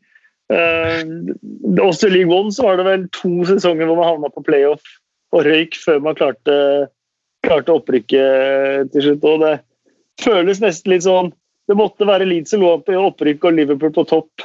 Og da måtte det komme verdenskrig eller pandemi. Det er liksom de to, to klubbene, spesielt Leeds, da, som har vært gjennom mye, mye lidelse. Ja, uh, det var en tøff periode, men samtidig så var det uh, Vi spilte i, League One, og vi hadde liksom sånn 30 000 på tribunene. Det sier jo litt om klubben og supporterne der. Det er en veldig stor klubb og engasjerte supportere, selvfølgelig. og sånn så Ting ser ut nå, da, så ser det jo ut som de skal komme opp igjen endelig. og Det, det tror jeg hele hele byen fortjener. Mm. Eh, du dro jo videre da, til, eh, til, Milton Keanes eh, helt på, på slutten. En, en, klubb som kanskje ikke har det beste ryktet blant fotballfans eller i England eller i det hele tatt. Hadde du noe forhold til det i det, det hele tatt? Uh, nei, jeg hadde ikke noe forhold til klubben sånn sett. Um, det var selvfølgelig eneste treneren som uh, maste i flere uker på at det skulle komme. Jeg hadde jo lagt opp uh, i den perioden. Uh, men jeg er god venn med Roberto Di Matteo. Um, han ringte meg hver uke. Um, uh, jeg sa det at nei, jeg har, jeg har lagt opp, jeg er stiv og støl, jeg kan ikke komme ut på det nå igjen. Men um, litt samme som i Leeds, han hadde lyst på en som var litt erfaren blant de unggutta der, og ville bare likt, ha meg litt i i, i, liksom i garderoben og miljø og, og gi tips og råd og sånn. Være litt, sånn, eh, litt den erfarne karen utpå der. Men Stadium MK er selvfølgelig en uh, stor, flott ny, nytt stadion. Mm. Eh, men du fikk jo prøvd deg liksom på eh, Bristol Rovers, Roots Hall, Southend, ja. der, Hereford. det vil jeg også nesten tro var et lite kultursjokk. Ja, det er veldig spesielt, det. Men jeg, jeg må si det at eh, jeg trenger faktisk ikke å spille på de aller største stadionene for å ha det artig. Jeg syns fotball er artig uansett, om det så er på i en park eller om det så er på no camp. Um, så det, og Spesielt her i England så har det sin sjarm å spille på disse stadionene der. Det er ikke like komfortabelt i alle disse garderobene. Men eh, egentlig koste meg med å med å spille fotball fortsatt. Man kan selvfølgelig ikke holde på sånn i, i Premier League, men når du var i, i League One med Leeds og med Milton Keanes der, og sånt, nå var det de gode gamle triksene med kaldt vann i dusjen og for varm garderobe og alle de tingene der? Ja, altså, Noen av disse garderobene var jo uh, nesten sånn at jeg må bøye meg ned i. Jeg er ganske høy. og uh, litt sånn kø på toaletter, og toaletter nesten ikke virker. og sånne ting. Så uh, ja, det er ikke akkurat uh, det mest luksuriøse. Men uh, det skal jo sies at jeg reiser litt rundt nå òg, og ting forandrer seg blant de mindre klubbene. så Ganske så flotte stadioner rundt om faktisk i League One og nå her i England. Mm. Ja, definitivt. Jeg har en tur i året sammen med noen kompiser. Da ser vi aldri noe høyere enn høyere enn League One når vi drar eh, på tur for å finne litt av den sjela igjen. For det, det blir jo veldig autentisk da når Premier League kanskje har blitt litt sterilt og globalt. Så mm, den autentiske fotballkulturen ligger jo igjen der. Ja, helt klart. Jeg var jo på eh, jeg var i Luton. Jeg, vi har en spiller i Luton og var på kamp der. og eh, Midt under kampen så eh, ramla faktisk setene til de ved siden av meg ned. Bråtna. Pausen da kom det en sånn her handyman med skrujern og skrudde på plass setene, og det, alt var ok. Så, det tror ikke jeg skjer på disse her største stadionene nå til dags. Luton har jo bevart den veldig, veldig gamle stilen. Ja, det er en fantastisk arena, Kenworth eh, Road. Eh, ja. Der eh, for et par år siden med, med gutta og Barnet. Nå skal de jo dessverre bygge et nytt stadion der òg. ja, nesten, nesten dessverre, ja. Jeg har vært der en del i år og jeg treffer faktisk nordmenn flere ganger når jeg er der. Så mm. nordmenn er interessert i litt sånn mer sånn kulturkamper, hvis en kan kalle det det. Definitivt. Vi møtte nordmenn i Luton da vi var der òg. Luton sin supporterklubb i Norge er stor. Ja, det, og det, veldig, veldig aktiv. Ja. Um, hvis du skal se litt uh, gjennom, da. Har du en uh, favorittstadion? Å, oh, en favorittstadion um... Ikke lov å si Stamford da. Nei, ikke lov. Nei, selvfølgelig ikke. Nei, jeg må si at jeg, jeg syns um, Ibrox var veldig, er en spesiell stadion. Det er òg en litt sånn En kan På noen måter så ser han moderne ut, men på andre måter så er han veldig eh, historisk. Eh, så når du går inn i, i, gangene der, så er det mer av den eldre historien med fotball som du ser liksom i veggene. Um, så den, den syns jeg er veldig, veldig spesiell. En flott, flott, litt sånn eldre stadion. Verste stadion du var på i Storbritannia? Uh, skal vi se Jeg tror uh, den som jeg syns var minst Jeg vet ikke om den er sånn, men i Bradford De spilte jo i, i Premier League, faktisk. En av sesongene som jeg spilte med Chelsea. Der var det utfattelig trangt, altså. Måtte vi dele toalett ett toalett med dommer og alt som var der. Og, og fra tidlig ute hvis du skulle få pisse før kampen. Den står faktisk også på bucketlisten min, mest fordi at den ser veldig veldig kul ut. Ja, ja det, jeg kjørte forbi der nå i Norge. Det ser faktisk ut som en kjempediger stadion. Så det uh, Ja da, den er, er artig. Går den inn under verste garderobe òg, eller? Ja, det var egentlig garderoben jeg tenkte på. Uh, ja. Jeg tipper at uh, siden det er over, eller iallfall 20 år siden, at jeg, kanskje de har uh, uh fiffa den opp litt. Grann. Uh, selve stadionet der uh, var helt ok. Um, jeg hadde jo et par sånne digre um, tribuner. så ene delen gammel og, og mindre. Mm. Um, men sånn så ute på banen, så De fleste banene i England er egentlig veldig fine. Um, når en spilte for 20 år siden, så var det jo mer sånn var, Nå er det jo en liten prosent kunstgras i banene, så det ser veldig fine ut. Før så var det jo ikke det. Da la en sånne nye rulla ut gras gress når det ble for gale, iallfall i, i min tid.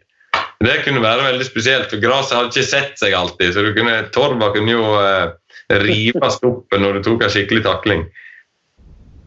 Eh, mest fiendtlige borte, bortebane? Husker du det var noen bortematch hvor du fikk ordentlig gjennomgå? Uh, ja, det er jo noen. Altså, uh, kanskje òg utafor England. Jeg spilte jo i Galatasaray, f.eks. Der vi måtte legge oss i midten av bussen, for den, den ble steina. Um, men sånn, på meg personlig så ble jeg veldig overraska uh, når vi skulle spille med, mot Irland, faktisk. Jeg spilte på Norge. Uh, skjønte ikke hvorfor jeg var bua på uh, hver gang jeg var borti ballen. Men da skjønte jeg etter hvert at selvfølgelig det er jo eh, et Celtic-område. Yes. Iallfall spilte kampen.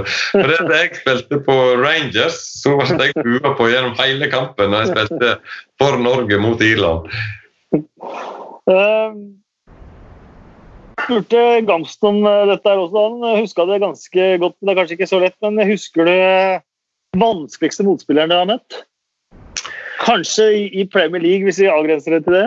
Ja, la oss ta Premier League. Um, et par navn jeg ville sagt. Martin Keon uh, var en av de, spilte på Arsenal. Um, han var steintøff. Markerte så tett at det, det gikk ikke an å uh, få et ark mellom oss. uh, han var òg en som så jeg bruker å si han markerte deg sjøl når når Arsenal hadde sin egen corner, så markerte han deg veldig tett. Du fikk aldri, aldri puste. Selvfølgelig òg veldig tøff i taklingene. og uh, ja, Trynet gikk litt ned i, ned i grastustene når han var i nærheten og takla deg. En annen som jeg syns var tøff å møte, det var han uh, Japp Stam. Ja. Spilte på uh, Man United. Jeg likte ikke forsvarerne når de var store og sterke, like sånn store som meg, men òg veldig hurtig. Mm. Han var hurtig, så selv om jeg tok en skikkelig finte, kom jeg forbi, eller iallfall trodde jeg var forbi, klarte han å komme seg tilbake igjen og få gitt meg en saftig takling. Eh, da kjører vi motsatt. Letteste motspiller? Å, letteste? Eh, nei, jeg Altså Letteste type motspillerne, kan jeg iallfall si. Det var sånne som var flinke fotballspillere. Um, de likte jeg mye bedre enn de som var liksom crazy taklere. Mm. Så jeg likte bedre å spille mot uh, Brasil og Barcelona enn, uh, enn mot sånne uh, tøffe Arsenal og United-forsvarsspillere. Så La Liga, der hadde du hatt et enda større da hvis du hadde brukt karrieren din der? Ja, ja, det tror jeg. jeg. Når jeg spiller liksom fotball og jeg slapp å tenke på at jeg var grusa ned i, ned i sanden med, med trynet først, Og, da tror jeg jeg hadde kommet meg til min rette. Galeste, eventuelt skråstrek morsomste medspiller? Nei, det, det, må jeg jo nevne Dennis Weiss. Um, som vi snakket om tidligere, så kunne han terge på seg uh, hele motstanderlaget. Noe av grunnen til at uh, vi ble steina bussen i uh, Galatasaray, var jo at han var ute med leppa veldig mye underveis og før, før kampen. Eller underveis i den heimekampen vi hadde først, og så skulle vi ned der. så han, var flink til å terge på seg, men uh, som sagt òg en kjempe, kjempeflink kaptein. Uh, rareste taktikk fra en manager som du opplevde i garderoben? Åh oh, uh, Jeg vet ikke om taktikken med, med champagne er litt rar. Jeg likte den veldig godt. Men uh, vi alle, da fikk vi iallfall champagne før kamp. Det skulle nesten si at jeg kunne ønske vi gjorde det oftere. um, er det noen av Nå er det jo Chelsea-systemet og Chelsea-miljøet, så jeg vil jo tro at det er en, eh, en, del av de du Der har du daglig kontakt med mange av de du, du spilte med. men ja. Eh, er det noen av de andre, sånn som f.eks. George Vea eller noen i den stilen der som fortsatt pleier kontakt eh, med? Uh, ja, altså det som vi gjør jo av og til Vi spiller jo noen sånne um, kamper. Uh, veterankamper av og til. Uh, de er kjempe, kjempeartige, for da plutselig treffes vi igjen. og, og selvfølgelig så er jo ikke disse kampene så veldig høytidelige. Ja, vi tar det jo ikke så høytidelig. men Um, de sammenkomstene vi har der på de kveldene, da får vi mange gode, gamle historier fram. Og, um, det, det, er spesielt med, med Chelsea-gjengen vi har hatt disse, disse kampene i ny og ne. Der, eh, der har iallfall jeg kost meg. Ja, du fikk jo med en ny hofte-match på Santiago Bernabeu der. ja. ja. Uh, seks måneder etter jeg hadde tatt uh, Uh, ja, Det blir faktisk min fjerde hofteoperasjon. Jeg måtte jo skifte begge hoftene to ganger. Um, så kom jeg hoppende ut på Santiago Bernabeu.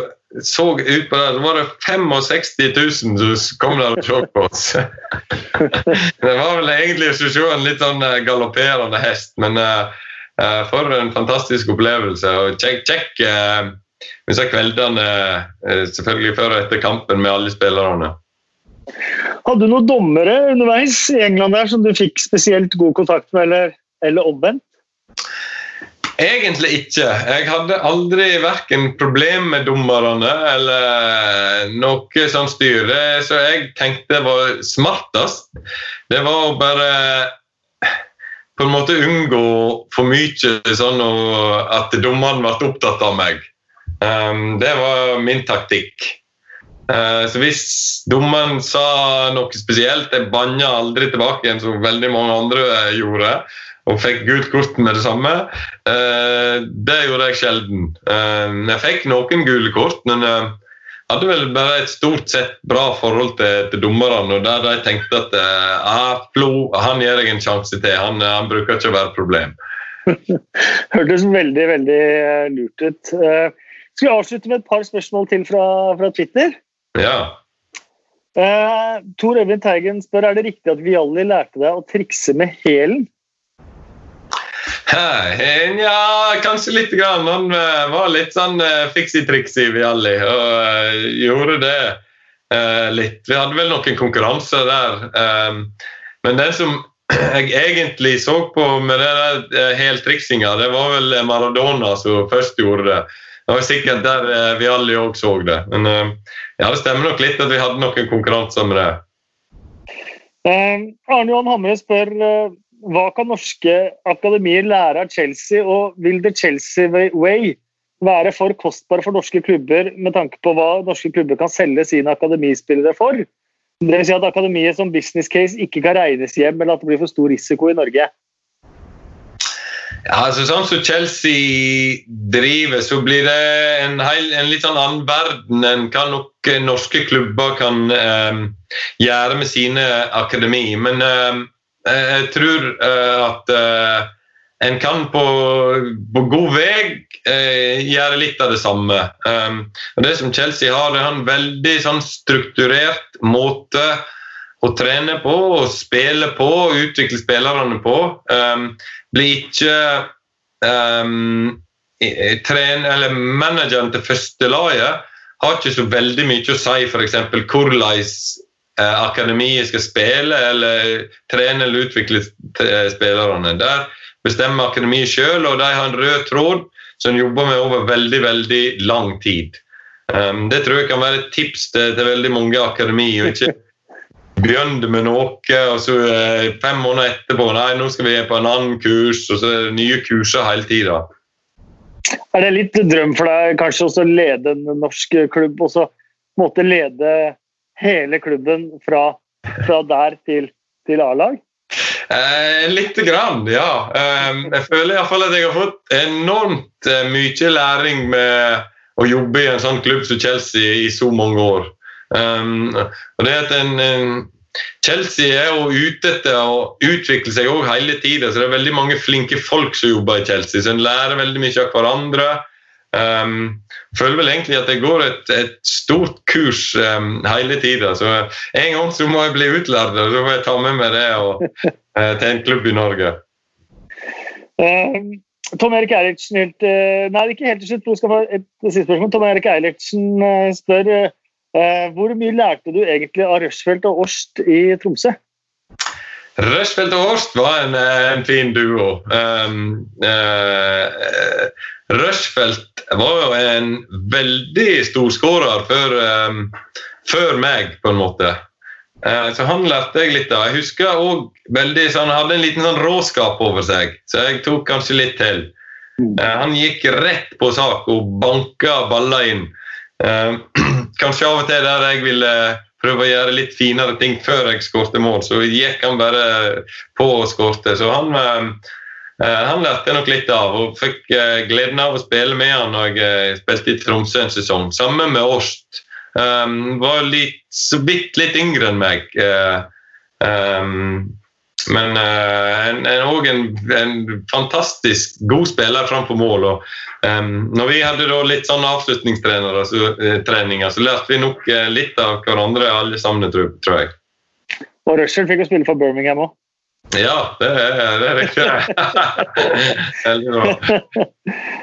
Olai Årdal spør til slutt hvor tid blir du trener for Sogndal? Ja, ja. ja, nei, det kan du spørre om.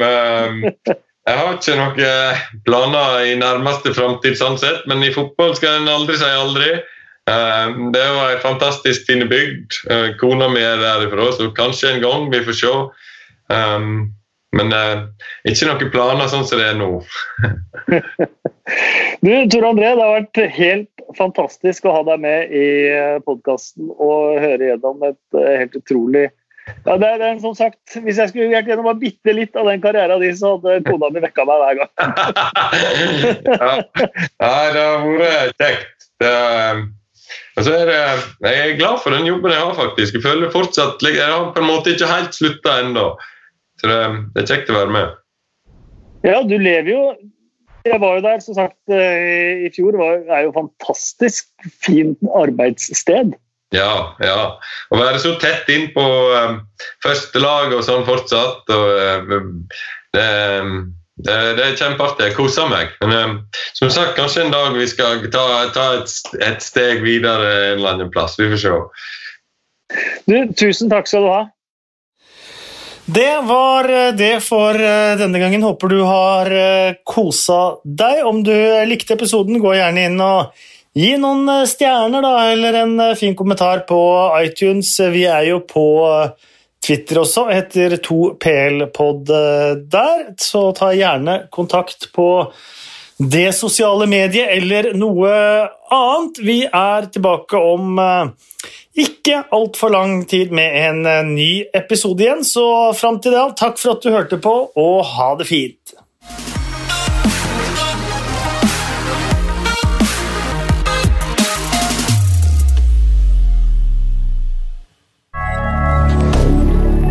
Moderne media.